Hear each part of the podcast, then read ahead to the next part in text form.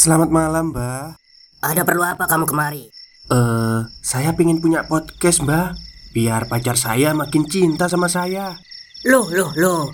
Mau bikin podcast kok tanya dukun? Sekarang kamu download aplikasi Anchor.fm. Di situ kamu bisa buat podcast gratis dan podcast kamu bisa didistribusikan ke platform mana pun. Dan di aplikasi atau website Anchor.fm juga terdapat fitur-fitur yang memudahkan kamu untuk membuat podcast. Oh, gitu ya, Mbak.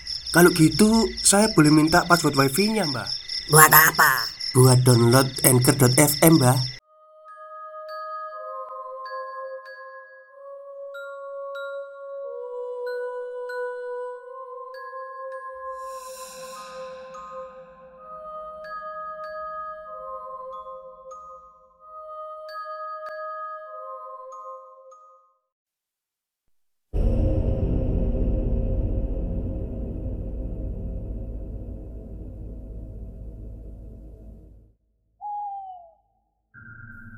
Assalamualaikum warahmatullahi wabarakatuh. Halo semuanya Jumpa lagi dengan saya Chow Sing Sing Kurator dari podcast Horror Night Story.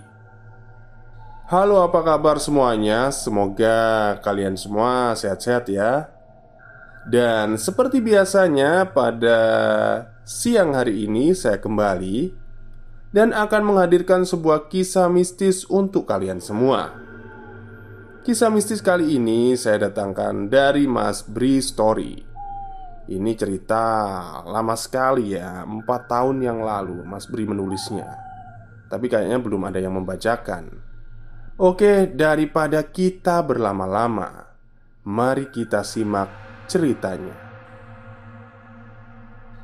Masih ingat banget ketika bapak gue bilang Kalau rumah sakit itu termasuk tempat yang suci Tembok-temboknya banyak mendengar doa-doa tulus yang terucap, baik dari orang yang sedang sakit ataupun yang sehat walafiat. Ah, walaupun begitu, perasaan gue tetap gak enak tiap kali masuk ke rumah sakit. Entah datang sebagai pengunjung atau sebagai pasien. Beberapa kali juga gue lihat sedihnya perpisahan bukan dari sisi yang ditinggalkan, tetapi dari sisi yang meninggalkan, alias yang berpulang. Ahmad adalah salah satu teman baik gue. Kami berteman sejak SMU. Ketika kami kuliah pun sama-sama di Bandung, walaupun beda kampus. Singkat cerita, pada suatu hari Ahmad mengabarkan bahwa bapaknya dirawat di rumah sakit. Rumah sakit Hasan Sadikin Bandung tepatnya. Peristiwa ini terjadi pada masa awal-awal gue kuliah. Kala itu masih kos di daerah Jalan Cilem Ciumbelut, Bandung. Agak sulit ya. Belum tinggal di rumah teteh karena Jarak kos dan rumah sakit Hasan Sadikin cukup dekat. Gue langsung meluncur ke sana ketika Ahmad memberitakan kabar itu. Sebelumnya, gue sudah mendengar kabar kalau Pak Solihin, bapaknya Ahmad, sudah sakit-sakitan sejak lama. Gue dengar juga belakangan ini sakitnya bertambah parah. Gue lupa waktu itu hari apa, tapi sekitar jam 9 malam. Gue tiba di rumah sakit Hasan Sadikin Bandung. Waktu itu RSHS belum sempat direnovasi besar-besaran seperti sekarang. Masih bangunan lama dengan arsitektur Belanda zaman dahulu. Rumah sakit ini tergolong besar, memanjang dari Jalan Ikman sampai ke Jalan Pastur. Gak tahu deh seberapa panjang bangunannya. Yang pasti kalau kita masuk dari lobi depan sampai ke bangunan paling belakang, ya cukup ngos-ngosan. Bisa googling deh kalau yang belum tahu. Gedung bangunan tempat Pak Solihin dirawat itu cukup jauh di belakang. Gue berjalan hampir sampai di ujung komplek bangunan rumah sakit. Tahu kan Ruangan apa yang biasanya ditempatkan yang paling ujung di pojok bangunan? Ya, pasti ruang jenazah. Tapi tenang aja, gue jalan gak sampai ke ruang jenazah. Beberapa belas meter sebelumnya, gue udah belok kanan. Waktu itu karena mungkin masih sekitar jam 9 malam Lingkungan RSHS belum sepi-sepi amat Masih ada beberapa orang lalu lalang di sekitaran gedung rawat inap. Gak susah mencari ruangan Pak Solihin. Gue langsung bisa menemukannya. Begitu masuk ke gedung ruang perawatan. Ketika sudah di dalam ruangan Gue lihat Cuma ada Ahmad dan Pak Solihin. Ahmad dengan telaten sedang membalur badan bapaknya Dengan minyak kayu putih Setelah ngobrol sebentar dengan Pak Solihin Ahmad mengajak gue untuk ngobrol di luar ruangan Supaya bapaknya dapat beristirahat kami duduk di kursi kayu di depan gedung. Di situ Ahmad banyak cerita. Intinya, Penyakit radang paru-paru yang diderita bapaknya sudah tergolong parah Menurut Ahmad, kalau dalam minggu-minggu ini gak ada perkembangan bagus Maka keluarga memutuskan untuk membawa pulang Dirawat di rumah saja Setelah ngobrol ngalur ngidul sampai jam 12 malam Gue memutuskan untuk pulang saja Sebelumnya Ahmad minta tolong agar besok harinya gue datang lagi ke rumah sakit, menemani dia menginap di situ. Ya, gue menyanggupi lah, dan gue pun pulang. Malam itu nggak terjadi apa-apa. Keesokan harinya setelah beres kuliah Gue nggak langsung ke RSHS Memenuhi permintaan Ahmad Gue memutuskan untuk pulang dulu ke kosan Rencananya baru baru ke RSHS selepas maghrib. Tapi sialnya, malam itu gue ketiduran. Terbangun sekitar jam 11 malam. Buru-buru, gue bersiap jalan ke RSHS. Sebelum jalan, gue coba telepon Ahmad, tapi HP-nya nggak aktif. Ya sudahlah, gue memutuskan langsung ke rumah sakit. Gak sampai 15 menit Gue udah sampai Memang sudah terlalu malam Seharusnya pengunjung sudah nggak diperbolehkan masuk Gue coba telepon Ahmad sekali lagi Tapi belum aktif juga. Saat itu posisi gue berada di lobi Dan mencoba sekali lagi telepon si Ahmad Supaya bisa menjemput gue di lobi. Tapi tetap aja belum aktif. Akhirnya nekat kan? Ketika Pak Satpam teralihkan fokusnya Gue nyelonong masuk dan sukses Sekitar jam 11.30 Malam itu suasananya beda banget Dengan yang gue rasakan pada malam sebelumnya. Jauh lebih sepi. Sepanjang lorong yang gue lalui hening banget. Gak ada orang yang gue lihat lalu lalang. Gue masih berpikir Mungkin karena sudah nyaris tengah malam. Dead silent. Oh ya Lorong RSHS ini waktu itu bentuknya lorong terbuka. Hanya tiang-tiang kayu yang menunjang atap di atasnya. Jadi udara dingin Bandung langsung menerpa badan gue yang salah kostum. Karena cuma memakai celana pendek. Lorong sepanjang kira-kira 300 meter itu Terasa berkilo-kilo panjangnya. Kenapa? Karena perasaan gue mulai gak enak. Sejak masuk ke area gedung ruang rawat inap Gue gak melihat satu orang pun. Sepi Hanya terdengar langkah kaki gue saja. Udara semakin dingin Suasana semakin hening. Gue takut. Sempat berpikir untuk balik lagi ke arah lobi, tapi nanggung. Karena ruangan Pak Solihin hanya tinggal beberapa puluh meter lagi. Gue memperlambat laju jalan ketika melihat ada sesuatu di depan gedung rawat inap. Dari kejauhan, gue melihat ada seseorang yang duduk di kursi kayu yang terletak di dekat pintu masuk gedung. Karena lampu selasar yang gak terlalu terang dari jarak sekitar 20 meter Gue masih belum bisa memastikan siapa orang itu. Tapi dari perawakan tampaknya gue kenal. Ah legalah. Ternyata itu Pak Solihin. Alhamdulillah beliau sudah sehat. Gumam gue dalam hati.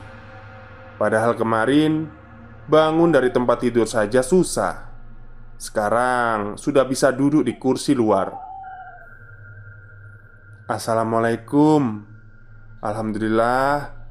Udah enakan pak badannya? Tanya gue ke Pak Solihin. Waalaikumsalam Ri. Alhamdulillah. Udah enakan? Jawabnya sambil tersenyum. Ketika gue tanya Ahmad ke mana Beliau bilang Ahmad pulang ke Serang Mendadak karena ada keperluan. Kota Serang, Provinsi Banten adalah kampung halaman Pak Solihin dan keluarga. Cukup jauh dari Bandung. Ah, sialan si Ahmad. Gak bilang-bilang kalau pulang mudik. Udah gitu HP-nya gak bisa dihubungi. Kalau tahu gitu kan gue gak akan datang ke rumah sakit Eh, terus bapak sama siapa di sini? Siapa yang nungguin? Gak ada yang nunggu. Gak apa-apa. Bapak udah enakan kok. Jawab Pak Solihin sambil tersenyum. Kami duduk bersebelahan di kursi kayu panjang. Gak ada orang lain di sekitar. Perawat-perawat yang biasanya berseliweran Gak ada sama sekali di sana. Kami berdua lebih banyak diam Tanpa perbincangan. Karena gue juga jarang banget ketemu beliau Dan gak terlalu akrab.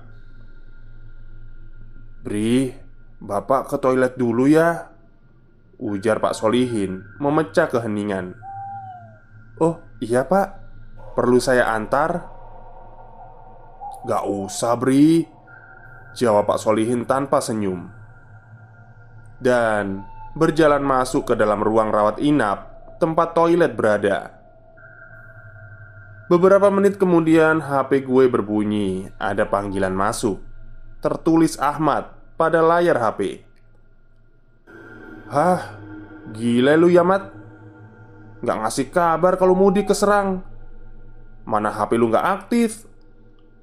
Suara gue langsung meninggi Ketika menerima telepon dari Ahmad Kesel. Maaf Bri. Gue gak sempat ngasih kabar. Suara Ahmad terdengar bergetar. HP gue baterainya habis. Gak sempet ngecas Terus ngapain lo tiba-tiba mudik? Tanya gue penasaran. Jam 2 siang tadi Bapak meninggal mendadak. Kami sekeluarga langsung membawa jenazah bapak pulang ke Serang Sekali lagi gue minta maaf ya. Lo di mana ini? Belum sempat ke RSHS kan? Itu penjelasan singkat Ahmad. Gue terdiam. Gak tahu mau ngomong apa. Stop, stop. Kita break sebentar. Jadi gimana? Kalian pengen punya podcast seperti saya? Jangan pakai dukun. Pakai Anchor.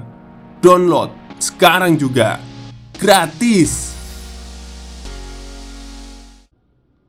Gue tambah kaget lagi ketika melihat Pak Solihin keluar dari ruang tempat dia dirawat sebelumnya dan berjalan ke tempat semula, yaitu kursi kayu tempat gue duduk saat itu. Badan gue lemes. Pembicaraan dengan Ahmad di HP langsung gue putus. Beliau berjalan mendekat tanpa senyuman dan duduk di sebelah gue seperti simula.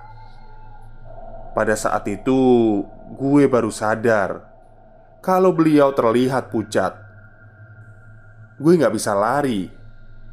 gue hanya bisa diam, dan kami hanya duduk terdiam.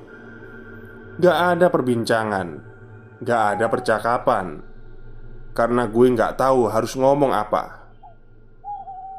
Badan gemetar, keringat dingin keluar. Gue membaca doa terus-terusan dalam hati. Berusaha membangun keberanian. Itulah lima menit terpanjang dalam hidup gue. Selama kira-kira lima menit itu Pak Solihin hanya menatap kosong ke arah depan. Dan gue Gak berani sedikit pun melirik ke arah beliau Suasana hening. Pada akhirnya Pelan-pelan Beliau mulai terlihat Hendak memutar kepala ke arah kiri Ke arah gue duduk. Mulai nengok ke arah gue. Gue gak tahan dirundung ketakutan. Sebelumnya Pak Solihin berkata sesuatu apa pun Gue sontak berdiri dan berkata Pak, saya pulang dulu ya. Bapak yang tenang. Assalamualaikum. Waalaikumsalam. Jawab Pak Solihin Dengan tatapan kosong. Wajahnya pucat. Beda dengan waktu gue lihat di awal pertemuan tadi. Gue diambang pingsan. Gue paksa kaki untuk melangkah menjauh.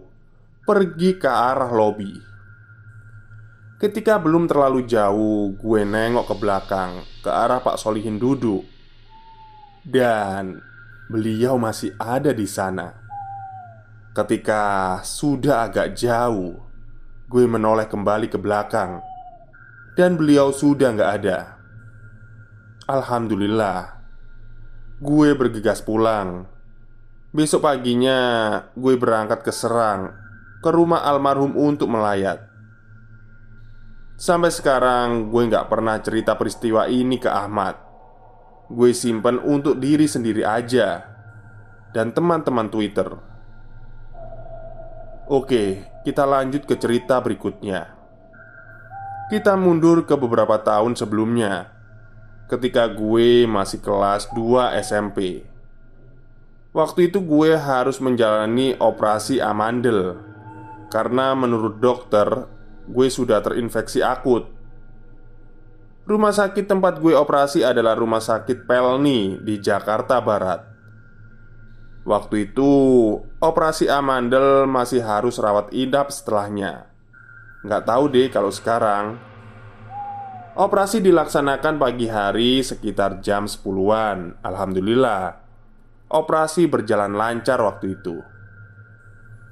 Sore harinya, setelah gue benar-benar sadar dari pengaruh bius, Bapak gue bilang, gue harus menginap sendirian di rumah sakit malamnya.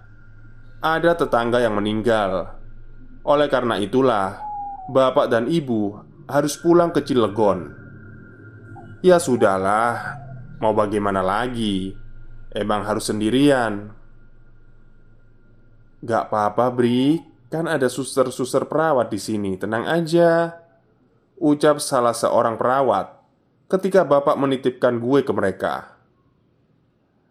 Sekitar jam 5 sore, ibu dan kakak serta bapak pulang. Mulailah gue sendirian di ruangan itu. Gue dirawat di ruang perawatan kelas 2 Jadi di dalam satu kamar Ada dua tempat tidur untuk dua pasien. Tapi malam itu nggak ada pasien lagi selain gue. Jadi gue sendirian. Tempat tidur sebelah kosong. Serasa di kelas 1 jadinya. Nah, peristiwa ini adalah salah satu penyebab kenapa gue Sangat menghindari tidur sendirian di dalam satu ruangan Yang ada dua tempat tidurnya Entah itu di rumah sakit, hotel, ataupun lainnya. Trauma lah. Gue lupa kamar ini di lantai berapa Yang gue ingat ukuran kamarnya cukup besar. Ada TV di tengah ruangan. Gue ambil tempat tidur yang letaknya dekat dengan pintu keluar. Sementara tempat tidur yang kosong ada di sebelah kiri dekat dengan jendela. Hanya dibatasi oleh tirai putih. Cukup jelas kan? Akhirnya menjelang malam. Waktu itu suasana di lantai tempat gue dirawat cukup sepi karena tempat tidur gue letaknya di sisi dekat lorong. Jadi gue dapat mendengar dengan jelas apabila ada suara langkah kaki atau roda troli ataupun tempat tidur dorong yang melintas. Seperti yang gue bilang, malam itu sepi, hanya sesekali terdengar langkah kaki perawat, kadang sambil mendorong troli. Sekitar jam 9 malam, ada perawat yang masuk ke kamar. Dia tanya keadaan dan mengingatkan untuk minum obat. Setelah itu, beliau menyuruh gue untuk tidur. Malam itu, gue masih dalam keadaan sedikit pusing. Mungkin akibat masih ada sisa-sisa pembiusan saat operasi siang harinya. Gue masih nggak bisa bicara juga waktu itu karena Tenggorokan sakit banget. Untuk minum air aja masih sakit Apalagi ngomong. Seperti biasa TV gue biarkan dalam keadaan menyala Dengan volume suara yang kecil. Dan gak ada firasat apa-apa malam itu. Sekitar jam 10 malam gue tertidur Sendirian Dan sekitar jam 1 malam Gue terjaga Nah, bisa nebak kan kenapa gue terjaga? Ya, gue terjaga, tapi masih memejamkan mata. Gue merasa ada yang memegang kening gue.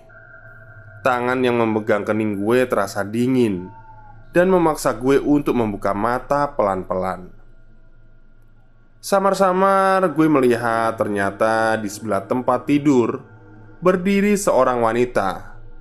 Berpakaian baju terusan panjang yang kusam Dengan wajah bule Rambut warna hitam. Gue tengok Seperti terhipnotis lah waktu itu. Ketika dia terlihat tersenyum Sambil tangan kirinya masih tetap di kening gue Gue masih gak menyadari siapa perempuan itu Gak bisa berkata-kata dan berbuat apa pun Kemudian Pelan-pelan dia menuangkan obat sirup yang ada di meja ke sendok makan dan dengan pelan-pelan juga menyuapinya ke mulut gue. Seingat gue itu obat sirup beneran.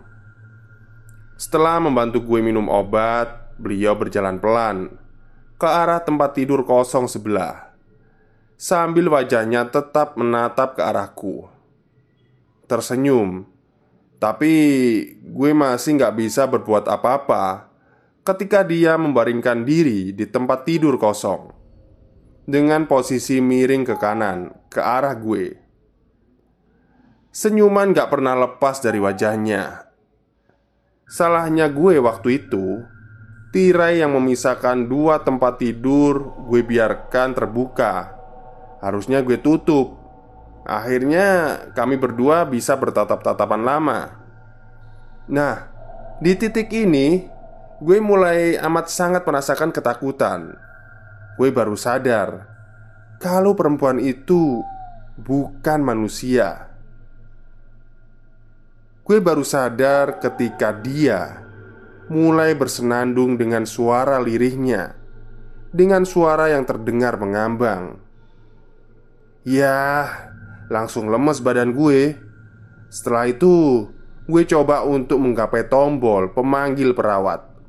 Dan Aku berhasil menekannya.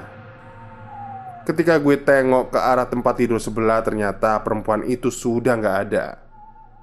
Lega rasanya Gak lama dari itu Seorang suster perawat masuk ke kamar Ada apa Bri? Tanya dia karena belum bisa ngomong, gue cuma memberi bahasa isyarat agar tirai pembatas ditutup. Setelah menutup tirai, perawat keluar kamar dan menutup pintu, dan suasana kembali hening. Tapi gue sudah terlanjur gak bisa tidur. Perasaan gue gak enak lah. Ternyata Posisi tirai tertutup lebih menyeramkan daripada terbuka. Karena gue sama sekali nggak bisa melihat Ada apa di tempat tidur sebelah. Dan benar saja Beberapa saat kemudian gue mendengar ada suara perempuan itu Bersenandung lagi Dari balik tirai Kali ini terdengar lebih seram karena gue sudah sepenuhnya sadar. Gue nggak bisa lari ke mana-mana. Badan kaku dan lemas. Cukup lama senandung perempuan itu terdengar Tanpa terlihat wujudnya Karena terhalang tirai. Beberapa menit kemudian tiba-tiba Wajah perempuan itu Muncul dari balik tirai Masih dengan senyuman di bibirnya Dan tetap bersenandung Gue ketakutan gak bisa berteriak dan gak bisa lari Pelan-pelan dia berjalan ke arah pintu dan membukanya. Sebelum keluar kamar, beliau masih sempat melihat ke arah gue dan tersenyum. Setelah itu, gue gak ingat apa-apa lagi, entah pingsan atau tidur. Paginya, gue dibangunkan oleh perawat untuk diberi obat dan kontrol rutin. Ya, gue masih bengong ketakutan. "Kamu kenapa, Bri?" Kok begitu wajahnya? Oh, nggak apa-apa sus Nggak apa-apa Jawab gue singkat Sekitar jam 10 Bapak dan ibu datang Gue langsung cerita semuanya Tentang kejadian yang gue alami semalam Ibu cuma ketawa-ketawa Sedangkan bapak langsung bertanya Jadi gimana? Nanti malam mau menginap di sini lagi? sambil bercanda. Ya nyebelin banget deh waktu itu. Gak mau pak, beri mau pulang. Jawab gue menahan tangis. Sorenya gue pulang. Sebelum pulang Gue pamit ke para suster. Tiba-tiba salah satunya ada yang nyeletuk Semalam didatengin suster Belanda ya Berarti dia suka tuh sama Bri Ternyata mereka semua sudah tahu Baiklah, sampai di sini saja. Mohon maaf kalau masih ada kekurangan dalam penyampaian. Terima kasih. Baik, itulah kisah dari Mas Pria saat berada di rumah sakit. Jadi, yang pertama itu bapak dari temannya, arwah dari bapak temannya, bukan arwah ya, mungkin jin lah, jin korin gitu ya, yang niru. Terus yang kedua itu suster Belanda yang menemani Bri saat Bri berada di rumah sakit habis operasi amandel itu. Emang ya, kalau saya pun ya naudzubillah min dalik lah ya ketika sakit terus ditinggal gitu nggak mau juga. Kalau ada teman sekamarnya sih nggak apa-apa ya. Misalnya kayak tadi ada pasien lain lah. Tapi kalau nggak ada pasien lain sendirian itu rasanya ya merinding juga sih. Oke mungkin itu saja cerita pada siang hari ini. Kurang lebihnya saya mohon maaf. Wassalamualaikum warahmatullahi wabarakatuh